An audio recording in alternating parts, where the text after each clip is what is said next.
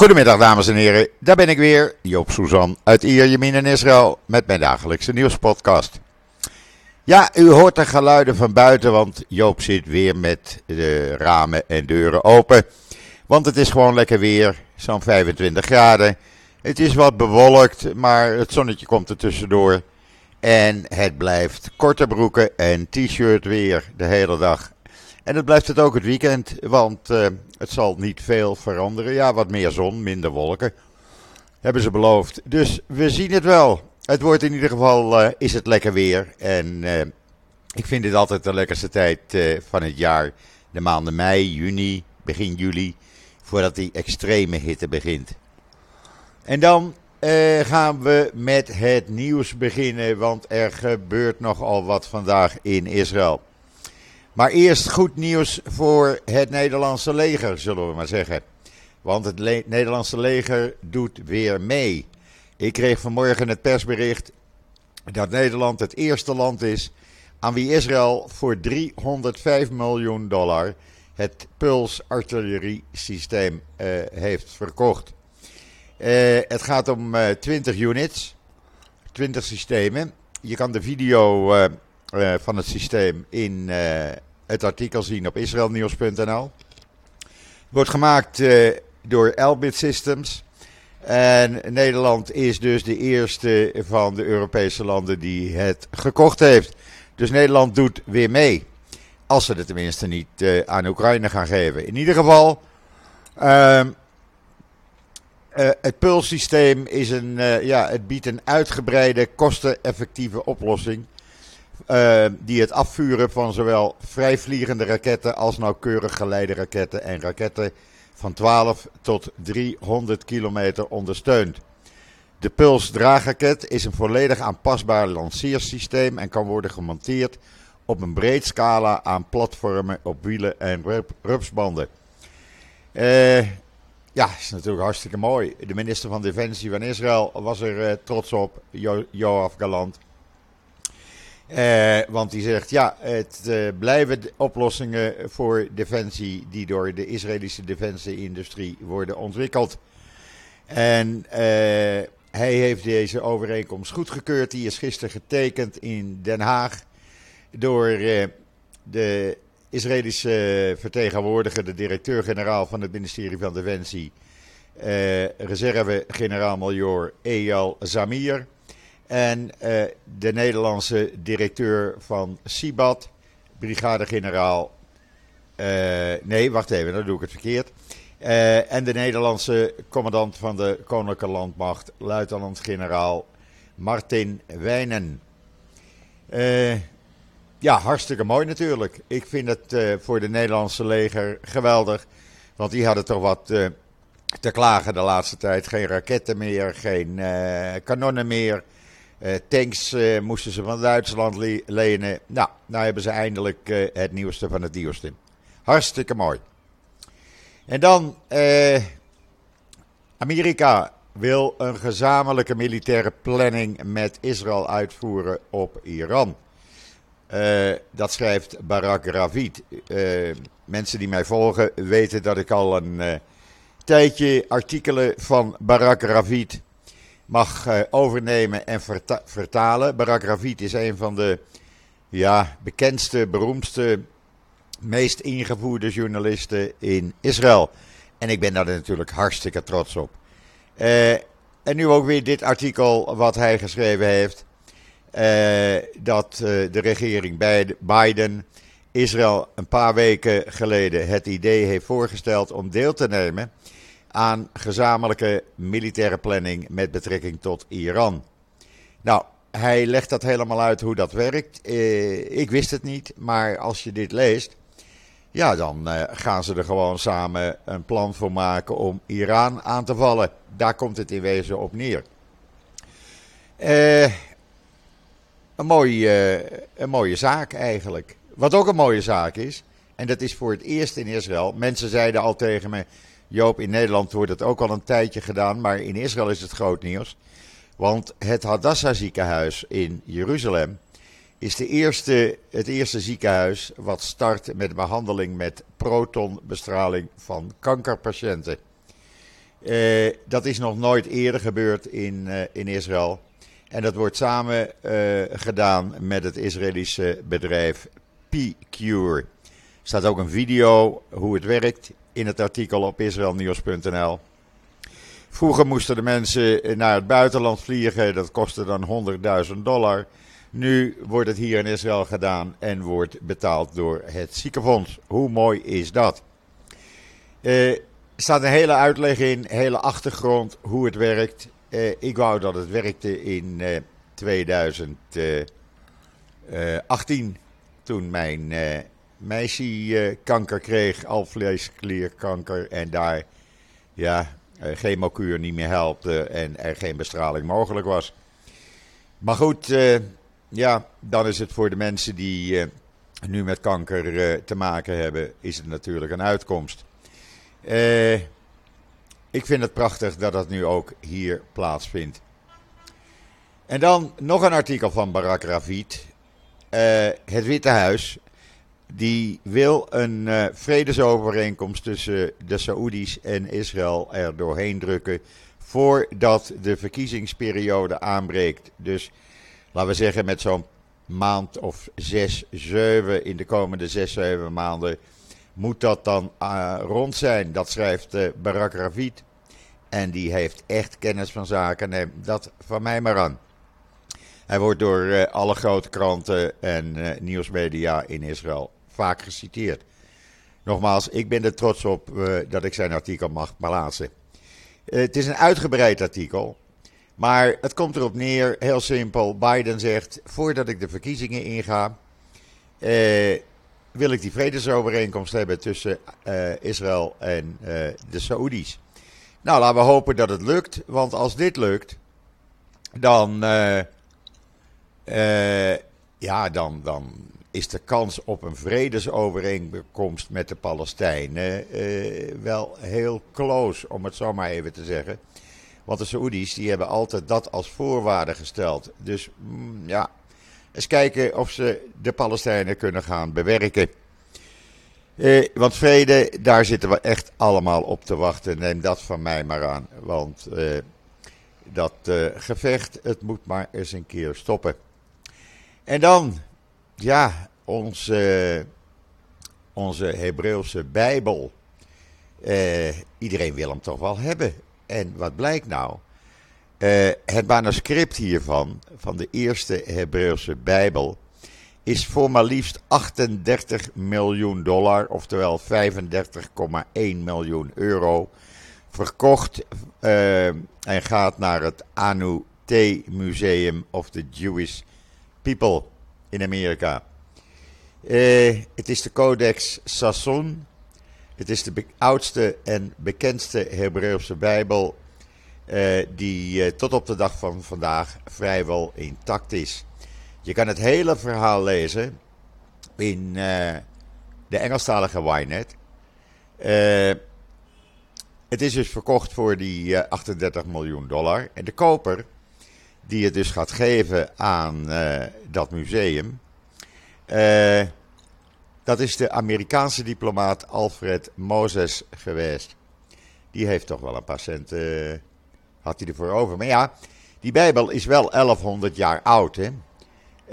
Dus ja, ouder dan wat meneer Abbas altijd beweert.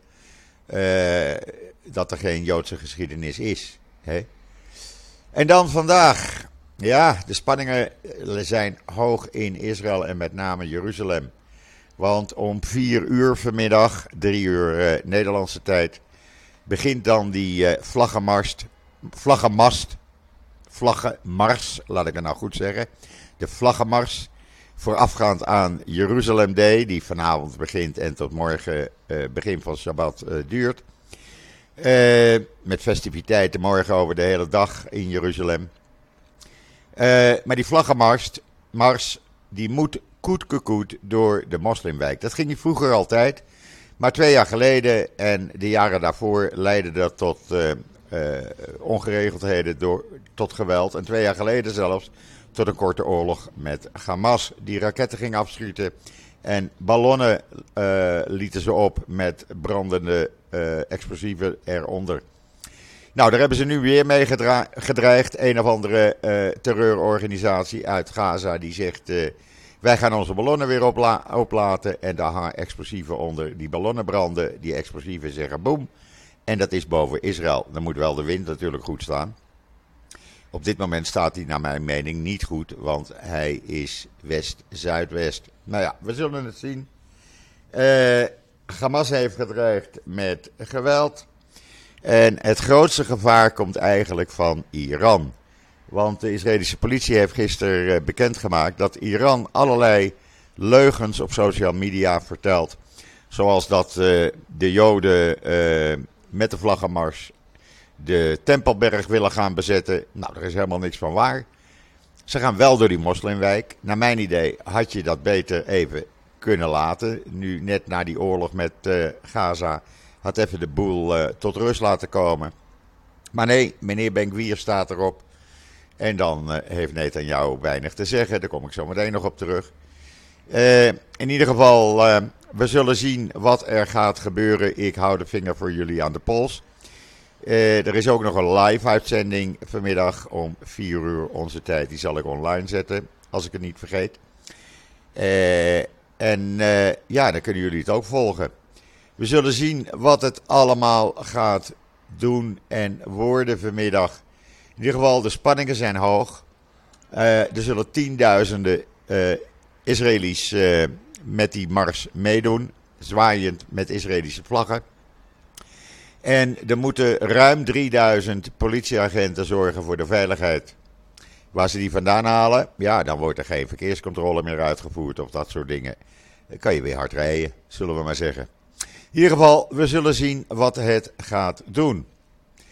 En dan eh, op 29 mei, eh, s'avonds om 12 uur, moet eh, de begroting eh, aangenomen zijn. Zo niet, dan uh, automatisch bij wet wordt de regering ontbonden. Nou, dat weten de ultra-orthodoxe partijen, dus die zijn gisteren met een eis gekomen naar Netanyahu toe.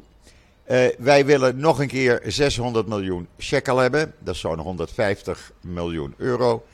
Uh, voor yeshiva's en andere leuke spelletjes van ons. Doe je dat niet, nou dan loop je grote kans dat wij uit de regering stappen en dan heb je geen regering meer. Ja, het is complete chantage, maar zo doen ze.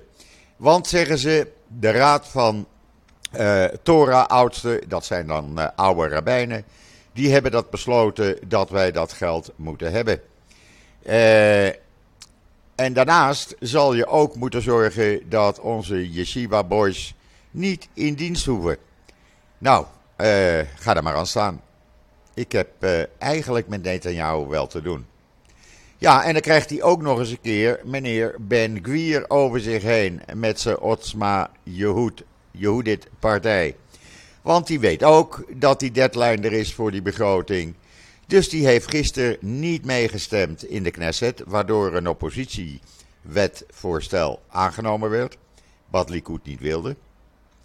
Uh, en ze chanteren, meneer Benguier chanteert gewoon jou, Want hij wil ook nog wat extra geld hebben voor zijn leuke spelletjes. Hij zegt, uh, het is voor de Negev en Galil. Nou, neem van mij aan, er gaat geen shekel van dat geld dan naar de Negev toe. Het gaat allemaal naar de Westbank, naar die nederzettingen, want daar treedt hij voor op. Dus meneer uh, Benguier zegt, doei, ik ga niet meestemmen. Uh, ja, wat moet Netanyahu daar aan doen? Ze zin geven? Ik weet het niet. Dan gaat Benkwier, heeft ook nog gedreigd dat hij morgen de Tempelberg op gaat. Nou, dat uh, kan alleen maar met toestemming van Netanyahu. Dat heeft hij de vorige keer ook niet gevraagd. Dus ik verwacht niet dat hij dat uh, vandaag zal gaan vragen. Maar hij gaat het toch doen, is de verwachting. Uh, in ieder geval, het is complete chantage van die ultra-orthodoxe partijen en Benguier, waar uh, de Likud-partij mee te maken heeft. En dan gisteravond was er een uh, demonstratie, een mars eigenlijk, van duizenden Israëli's die door Benai Barak gingen marcheren met zwaaiend met Israëlische vlaggen natuurlijk. En waarom? Nou, heel simpel. Ze zeggen de ultra-orthodoxe partijen, en Benai Barak is een ultra-orthodoxe stad, die plunderen de staatskas. Nou, daar hebben ze wel een beetje gelijk aan, vind ik. Want er gaat echt, er gaat 3 miljard shekel naar uh, allerlei uh, ultra-orthodoxe en orthodoxe spelletjes en dingetjes. En er blijft voor de seculaire Israëli's niets over. Echt, er is geen cent beschikbaar voor leuke dingen voor uh, niet-ultra-orthodoxe of orthodoxe instellingen. Uh, wat opviel was dat uh, veel buurtbewoners hadden stalletjes met eten en drinken opgezet. En de demonstranten konden gratis eten en drinken krijgen. Koekjes en broodjes en soep en nou ja, koffie. Hartstikke leuk. Die waren het er eigenlijk wel mee eens. Dus ja, niet iedereen is het met de ultra-orthodoxe partijen eens. Zelfs niet in de ultra-orthodoxe stad Benai Barak. En nu we het toch over Benai Barak hebben. Eh, daar heeft een eh, drogisterijketen, Suversal B. En Suversal B is een, uh, ja, een drogisterijketen uh, gelieerd aan de supermarktketen Suvers, Suversal. En wat hebben die gedaan? Op last van de rabbijnen moesten alle producten waar vrouwengezichten op waren te zien, die moesten bestickerd worden. Je mocht die vrouwen niet zien. Ja, het is net Iran. Je gelooft het gewoon niet, maar het is bij de wilde beesten af. Echt. Eh, daar wordt tegen gedemonstreerd. Er was een advocaat die eh, een video heeft opgenomen. Kan je lezen in de Times of Israel. Kan je die video ook zien. Die werd er door de politie uitgezet, want die pikten het niet. Er waren andere mensen die uh, demonstreerden. Die zeggen: Wat zijn jullie aan het doen? Het is geen Iran hier. Vrouwen, moet je trots op zijn. Dat vinden de rabbijnen niet. Dus die gezichten zijn afgeplakt. en niet alleen gezichten van vrouwen, ook van jonge meisjes en ook van babymeisjes. Moest allemaal afgeplakt worden. Want je moet de ultra-orthodoxe gemeenschap rein houden. Nou, sorry, Amahula. Het was gisteravond uitgebreid op Channel 12. Iedereen heeft het kunnen zien. Dit kan gewoon niet klaar. Eh, en als ze denken, de ultra-orthodoxen, van wij kunnen onze gang maar gaan en we gaan dit ook doen. Eh, dan zijn ze toch, denk ik, in, eh, nu in Israël aan het verkeerde adres, want het wordt niet meer geaccepteerd. We willen een normaal land. En dat is dus hetzelfde waar we tegen demonstreren. Want als die juridische hervorming doorgaat, ja, dan hebben we helemaal niks te zeggen en dan kunnen die ultra-orthodoxen doen wat ze willen. Nou, dat uh, willen we even voorkomen. En dan de commissaris van politie, de hoofdcommissaris van politie, die heeft het toegegeven. Het komt vanavond uitgebreid in een uh, tv-programma een reportage te zien op Channel 12. Ik ga er absoluut naar kijken. Meneer Chaptai heeft gezegd dat er sprake is van een vertrouwensbreuk tussen uh, minister van Nationale Veiligheid, raar raar wie dat is, jazeker, meneer Benkwier. Die zich te veel bemoeit met politieaangelegenheden, die zelf beslissingen wil nemen en hij als politiecommissaris niets meer te zeggen heeft. En wat heeft meneer Benkwier gedaan? Die heeft een aantal keren gewoon om die uh, uh, Chaptai, die commissaris, onder druk te zetten. Geheime gesprekken die ze voerden, heeft hij zogenaamd uh, per ongeluk laten uitlekken. Ja, dat doe je toch niet? Deze man is echt gestoord, die Benkwier. Ik snap niet dat die. Ja, ik snap het wel. Netanyahu heeft hem in de regering gehaald, omdat hij anders geen regering kon samenstellen. Geen meerderheid had. Maar ja, nou zit je hiermee opgescheept met zo'n achterlijke. Ga daar maar aan staan. En eh, deze man is gewoon gestoord. Hij bemoeit zich weinig met het uh, besturen. Het enige wat hij doet is zijn plannen doordrijven. En eh, ja, omdat hij minister is, ja, heb je er wel mee te maken natuurlijk. Dus eh, dat zal, eh, ja, ik zal, denk binnenkort gaat die regering klappen. Dat kan niet langer duren zo. Echt, dit is geen regeren meer op deze manier. Netanyahu heeft uh, gisteren eindelijk zijn ja, vroegere kant laten zien, laat ik het zo maar zeggen. Meneer Levine, de minister van Justitie, die begon ook te chanteren. Die hoort te zeggen van, als mijn eh, juridische hervormingsplannen, al is het maar gedeeltelijk, niet worden aangenomen in deze Knesset-periode, tot de zomer, dan stap ik eruit. Nou heeft Netanyahu gisteren tegen hem gezegd, je doet het maar, ik ga niet uh, bezwijken voor jouw dreigementen. Je bekijkt het maar. Nou, zo ken ik hem weer. En dan, uh, ja, die inflatie in Israël, die wordt gedeeltelijk gevoed door de sterke stijging van huren in Israël. Die zijn het afgelopen jaar met 7,2% gestegen. En uh, ja, dat is natuurlijk wel wat. Het meeste natuurlijk in Tel Aviv en omgeving. Uh, het minste in Beersheba uh, en in het uiterste noorden. Maar als je nou kijkt in Jeruzalem, Tel Aviv en Rishon LeZion... zijn de huren het afgelopen jaar met 11% gestegen. Met 12% hier waar ik woon, Natanja. Ja, dat komt omdat iedereen hier wil wonen in die nieuwe wijk Iyar Yamin. 10% in Golon, 14% in Peter Tikwa. Uh, ja, het is niet meer tegen te houden. Ik hoop dat mijn huisbaas toch uh, zegt van Joop, we doen even niks. Want hij heeft verleden jaar al de huur verhoogd. We zullen ervoor gaan duimen. Je kan het lezen in de Engelstalige Globes.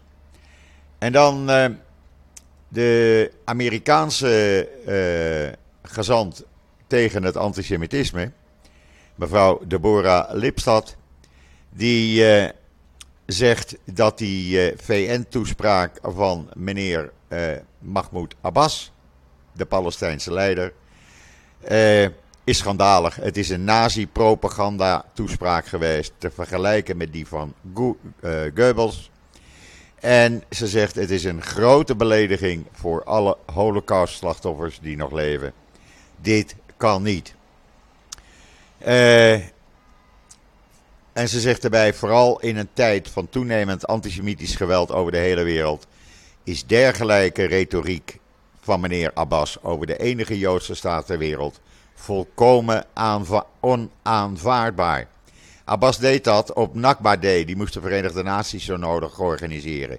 Dan mocht hij een uur uh, lullen. En alleen maar uh, nazi-propaganda propageren tegen de Joden, tegen Israël. Nou ja, ga maar door. Goed. Hebben we nog meer nieuws? Ja, we hebben zat nieuws. En ook nog andere nieuws, laat ik het zo maar zeggen. Israël, het Israëlische voetbalteam onder de 20 jaar is in Argentinië aangekomen voor het wereldkampioenschap. U weet, dat zou eerst in Indonesië worden gehouden. die wouden Israël er niet bij hebben. toen heeft de FIFA het weggehaald en het wordt nu in Argentinië gespeeld. En ze zijn van plan, zeggen ze, geschiedenis te, spelen, eh, te, te maken. En waarom? Nou, ze hebben ooit één keer meegedaan met een dergelijk toernooi voor voetballers onder de 20. En dat was in 1970. Uh, de manager van het team, een voormalig uh, profvoetballer hier in Israël, Offer Chaim, die zegt: Ik ben 48 jaar nu. Ik ben uh, naar Argentinië gekomen om te voetballen. Dat was altijd mijn droom sinds ik tien jaar oud was. Nu ben ik er. Nu ben ik de manager van het Israëlische jongerenteam. Uh, wij gaan uh, zorgen dat we hier geschiedenis gaan schrijven. Nou, ik ga het volgen. Ik hoop dat het uitkomt. En dan, ja, de Israëlische defensieindustrie is wel lekker bezig hoor mensen. Ze hebben de eerste van de twee lesvliegtuigen, militaire lesvliegtuigen. De eerste twee zijn aan Griekenland geleverd. Die hebben er tien gekocht. Dat zijn M346's. Die worden hier in Israël in elkaar gezet. En ook weer door Elbit. En dat zijn trainingsvliegtuigen voor een nieuwe generatie piloten. En de Griekse luchtmacht gaat die gebruiken. Hartstikke mooi. Kan je lezen op in de Engelstalige eh, Globes. En dan in het NIW. Op online NIW. Schijnheil. Het commentaar van mijn vriendje, vriendinnetje Esther Voet. Nou, ik vind hem geweldig.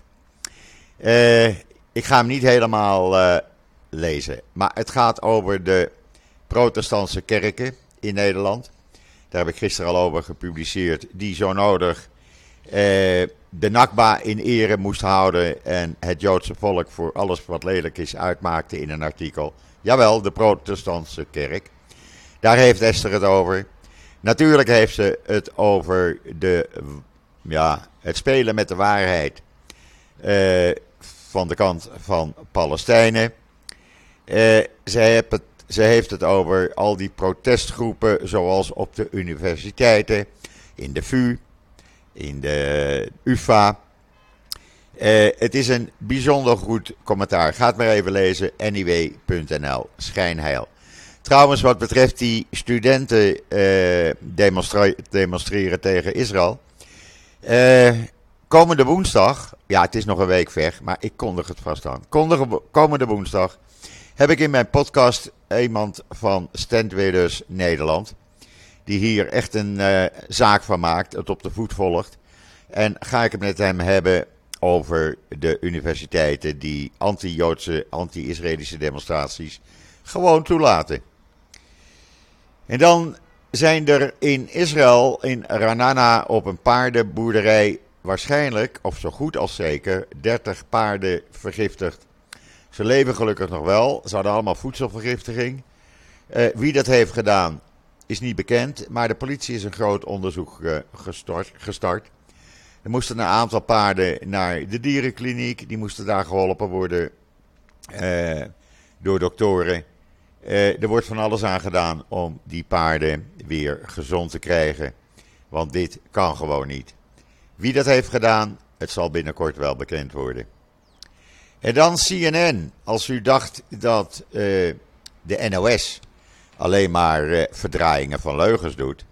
Nou, CNN kan er ook heel wat van, als je dat nog niet wist. Uh, en zelfs zodanig dat het Israëlische ministerie van Buitenlandse Zaken een klacht gaat indienen bij CNN. Want wat heeft mevrouw Christiane Amapour beweerd? Dat Lucie D. en haar twee dochters zijn omgekomen in een vuurgevecht. Met andere woorden, dat zij ook schoten. Het is een terreuraanslag geweest. Ze zijn door twee terroristen in koele bloeden doodgeschoten. Mevrouw Christiane Amapour. Ga je net zo doen als de NOS of NRC of NUNL? Prima, dan plaatsen we jou vanaf nu met CNN ook in dit rijtje en zullen we jou ook in de gaten houden.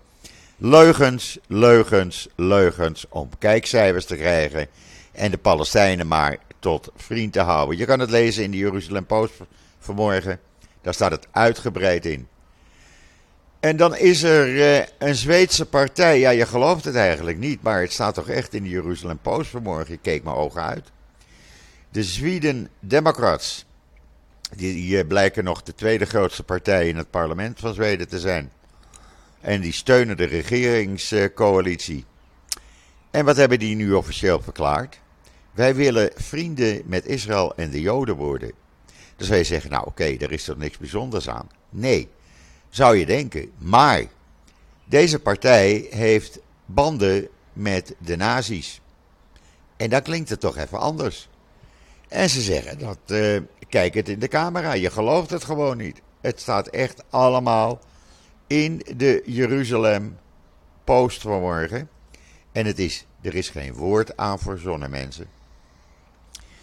En dan ja, we hebben ook goed nieuws hoor. Leuk nieuws eigenlijk. Ik weet niet of dat in Nederland al zo is, maar vergeet het uh, gewone chocoladeijsje of het aardbeienijsje in Nederland. De Israëli's hier hebben een nieuwe ijsobsessie. Ja, ik wist het niet. Maar ik moet daar toch eens meer aandacht aan besteden. Ik moet toch eens wat meer ijs gaan eten. En we hebben hier bij mij, 200 meter bij mij vandaan, twee van die lekkere ijskozaken. Uh, maar uh, Pistachio, nee hoor. De nieuwe uh, verslaving van ijs voor Israëli's. Dat is uh, cornflakes ijs met melksmaak. Ja, dat is het echt. Het staat in de Engelstalige Ynet vanmorgen. Het zorgt voor recordverkopen hier in Israël. Ik weet niet of dat in Nederland zo is, hier in ieder geval wel. En dan is er een uh, knappe Israëlische dame. Ze is model, 19 jaar jong. Iden Polani. Ik had nog nooit van haar gehoord. En die vindt uh, uh, Leonardo DiCaprio, die is dan 48, het scheelt maar 30 jaar, 29 jaar. Die vindt ze wel heel erg lief. Meer dan dat zelfs. Of vindt ze zijn geld misschien lief? Ja, ik weet het niet. Maar in ieder geval, er staat een uitgebreid verhaal. Waarbij ze ja, heel verliefd naar Leonardo kijkt. Met een grote foto. Uh, staat in de Engelstalige Wynet vanmorgen. Nou, uh, ze hoopt hem heel vaak te gaan zien.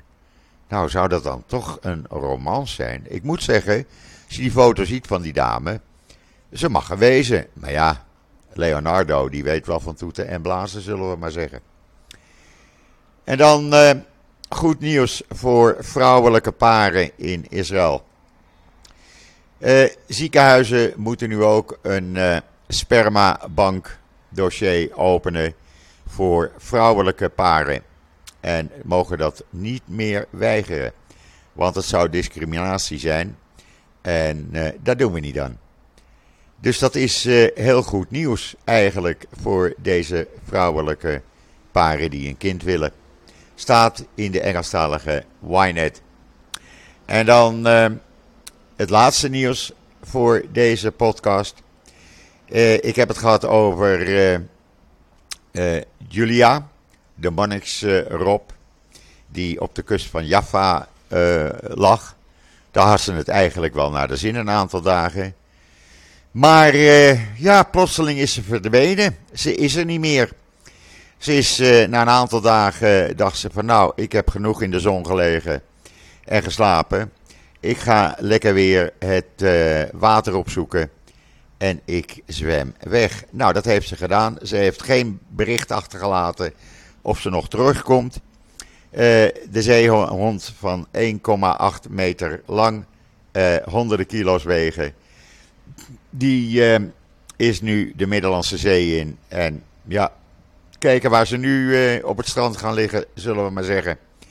Het nieuws was in een mum van tijd via so social media en WhatsApp bekend. dus ja, iedereen wist het al. Het is groot nieuws. Zo vaak gebeurt dat niet. Het was eigenlijk heel bijzonder. Je kan het lezen in de Times of Israel vanmorgen. Dit gezegd hebbende brengt me dat tot het einde van deze laatste podcast van deze week. Want het weekend staat eraan te komen. En uh, ja, ik denk dat ik zaterdag, morgenavond zal ik bij een van de kinderen zijn. Wordt gezellig. En uh, zaterdag denk ik dat ik maar even met mijn hondje naar de kibbutz ga, naar mijn broer. Uh, want dan kan mijn hondje weer met zijn vriend de kibbutz onveilig maken.